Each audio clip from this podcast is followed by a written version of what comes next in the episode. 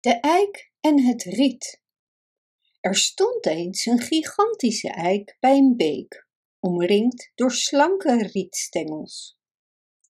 Toen de wind hard blies, stond de eik trots rechtop met zijn honderden takken naar de hemel opgeheven.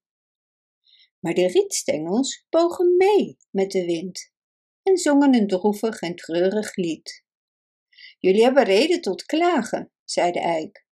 De geringste bries die het wateroppervlak laat bewegen, doet jullie hoofden meebuigen. Maar ik, de machtige eik, sta rechtop en stevig in de huilende storm. Maak je geen zorgen om ons, antwoordden de rietstengels. De winden doen ons geen kwaad. Wij buigen voor hen en dus spreken wij niet. Jij hebt tot nu toe, met al je trots en kracht, de windstoten weerstaan. Maar daar komt een einde aan.